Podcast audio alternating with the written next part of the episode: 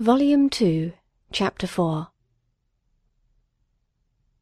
I lay on my straw, but I could not sleep. I thought of the occurrences of the day. What chiefly struck me was the gentle manners of these people, and I longed to join them, but dared not.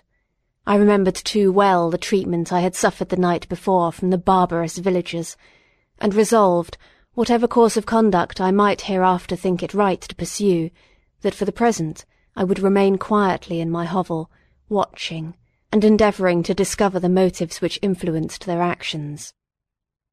The cottagers arose the next morning before the sun. The young woman arranged the cottage and prepared the food, and the youth departed after the first meal. This day was passed in the same routine as that which preceded it. The young man was constantly employed out of doors, and the girl in various laborious occupations within. The old man, whom I soon perceived to be blind, employed his leisure hours on his instrument or in contemplation. Nothing could exceed the love and respect which the younger cottagers exhibited towards their venerable companion.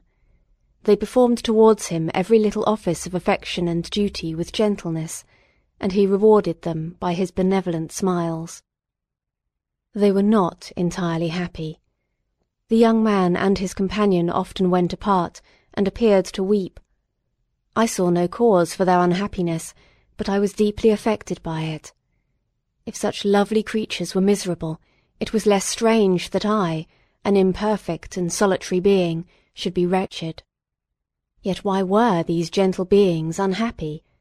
They possessed a delightful house, for such it was in my eyes, and every luxury, they had a fire to warm them when chill, and delicious viands when hungry. They were dressed in excellent clothes, and, still more, they enjoyed one another's company and speech, interchanging each day looks of affection and kindness. What did their tears imply? Did they really express pain? I was at first unable to solve these questions, but perpetual attention and time explained to me many appearances which were at first enigmatic. A considerable period elapsed before I discovered one of the causes of the uneasiness of this amiable family. It was poverty, and they suffered that evil in a very distressing degree. Their nourishment consisted entirely of the vegetables of their garden and the milk of one cow, which gave very little during the winter, when its masters could scarcely procure food to support it. They often, I believe, suffered the pangs of hunger very poignantly, especially the two younger cottagers, for several times they placed food before the old man, when they reserved none for themselves. This trait of kindness moved me sensibly. I had been accustomed, during the night, to steal a part of their store for my own consumption, but when I found that in doing this I inflicted pain on the cottagers, I abstained, and satisfied myself with berries, nuts, and roots, which I gathered from a neighbouring wood. I discovered also another means through which I was enabled to assist their labours. I found that the youth spent a great part of each day in collecting wood for the family fire, and, during the night, I often took his tools, the use of which I quickly discovered, and brought home firing sufficient for the consumption of several days. I remember the first time that I did this, the young woman, when she opened the door in the morning, appeared greatly astonished on seeing a great pile of wood on the outside. She uttered some words in a loud voice, and the youth joined her, who also expressed surprise. I observed with pleasure that he did not go to the forest that day, but spent it in repairing the cottage and cultivating the garden. By degrees, I made a discovery of still greater moment. I found that these people possessed a method of communicating their experience and feelings to one another by articulate sounds. I perceived that the words they spoke sometimes produced pleasure or pain, smiles or sadness, in the minds and countenances of the hearers. This was indeed a godlike science, and I ardently desired to become acquainted with it but I was baffled in every attempt I made for this purpose. Their pronunciation was quick, and the words they uttered, not having any apparent connection with visible objects, I was unable to discover any clue by which I could unravel the mystery of their reference. By great application, however, and after having remained during the space of several revolutions of the moon in my hovel, I discovered the names that were given to some of the most familiar objects of discourse. I learned and applied the words fire, milk, bread, and wood. I learned also the names of the cottagers themselves. The youth and his companion had each of them several names, but the old man had only one, which was father.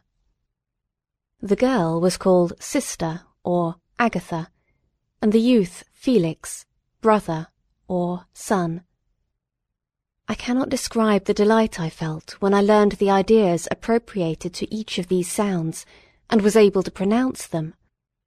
I distinguished several other words, without being able as yet to understand or apply them, such as good, dearest, unhappy.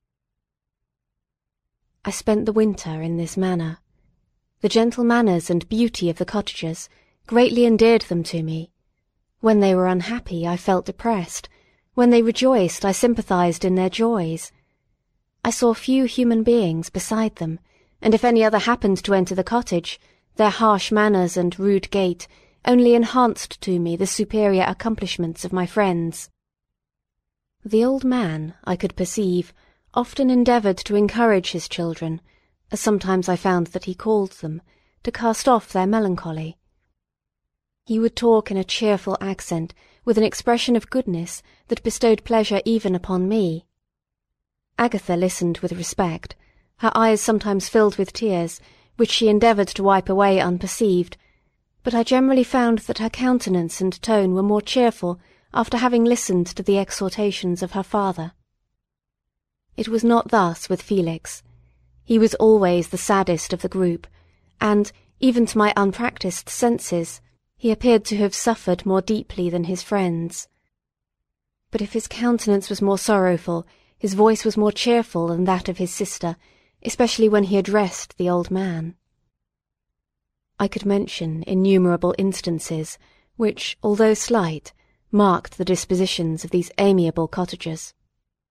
In the midst of poverty and want, Felix carried with pleasure to his sister the first little white flower that peeped out from beneath the snowy ground. Early in the morning, before she had risen, he cleared away the snow that obstructed her path to the milk-house, drew water from the well, and brought the wood from the outhouse, where, to his perpetual astonishment, he found his store always replenished by an invisible hand.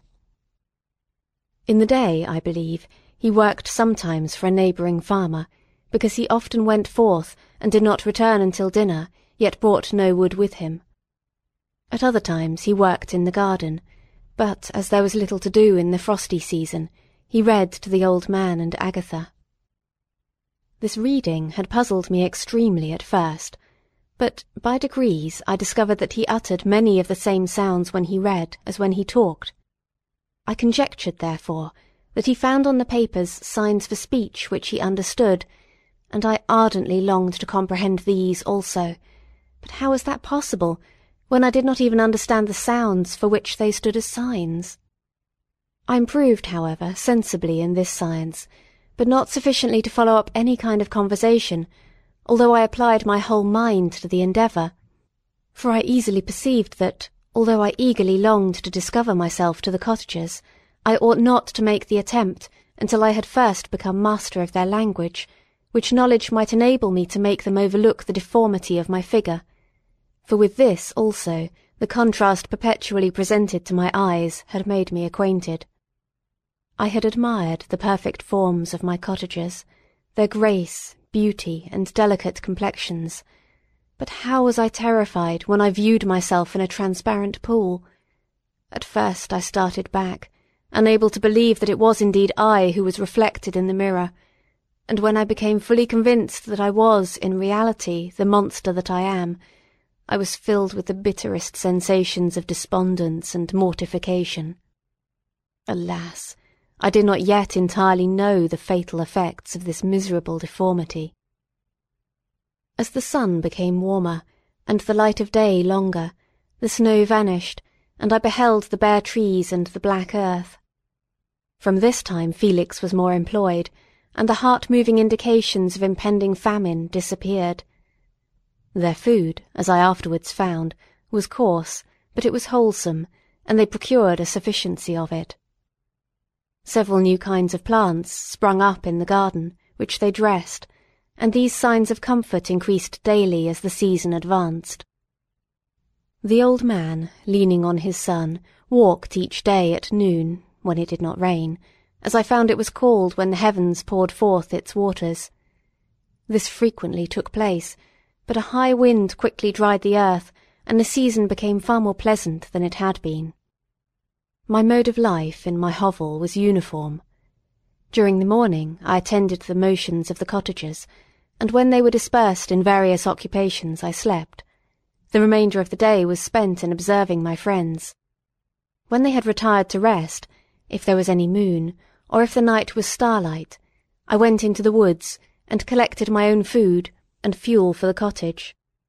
When I returned, as often as it was necessary, I cleared their path of the snow and performed those offices that I had seen done by Felix. I afterwards found that these labours, performed by an invisible hand, greatly astonished them, and once or twice I heard them, on these occasions, utter the words good spirit, wonderful, but I did not then understand the signification of these terms. My thoughts now became more active, and I longed to discover the motives and feelings of these lovely creatures, I was inquisitive to know why Felix appeared so miserable and Agatha so sad. I thought, foolish wretch, that it might be in my power to restore happiness to these deserving people. When I slept or was absent, the forms of the venerable blind father, the gentle Agatha, and the excellent Felix flitted before me.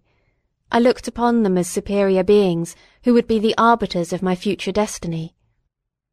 I formed in my imagination a thousand pictures of presenting myself to them and their reception of me.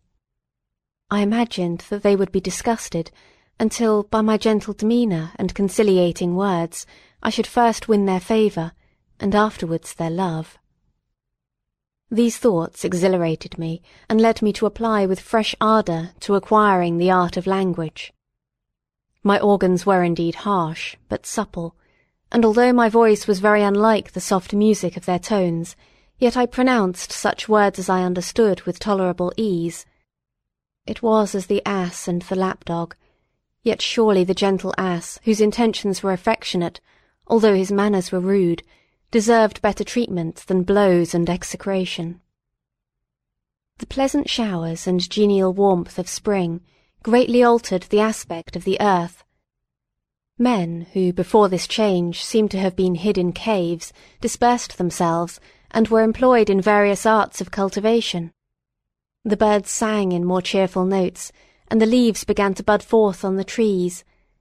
Happy, happy earth, fit habitation for gods, which so short time before was bleak, damp, and unwholesome. My spirits were elevated by the enchanting appearance of nature. The past was blotted from my memory, the present was tranquil, and the future gilded by bright rays of hope and anticipations of joy.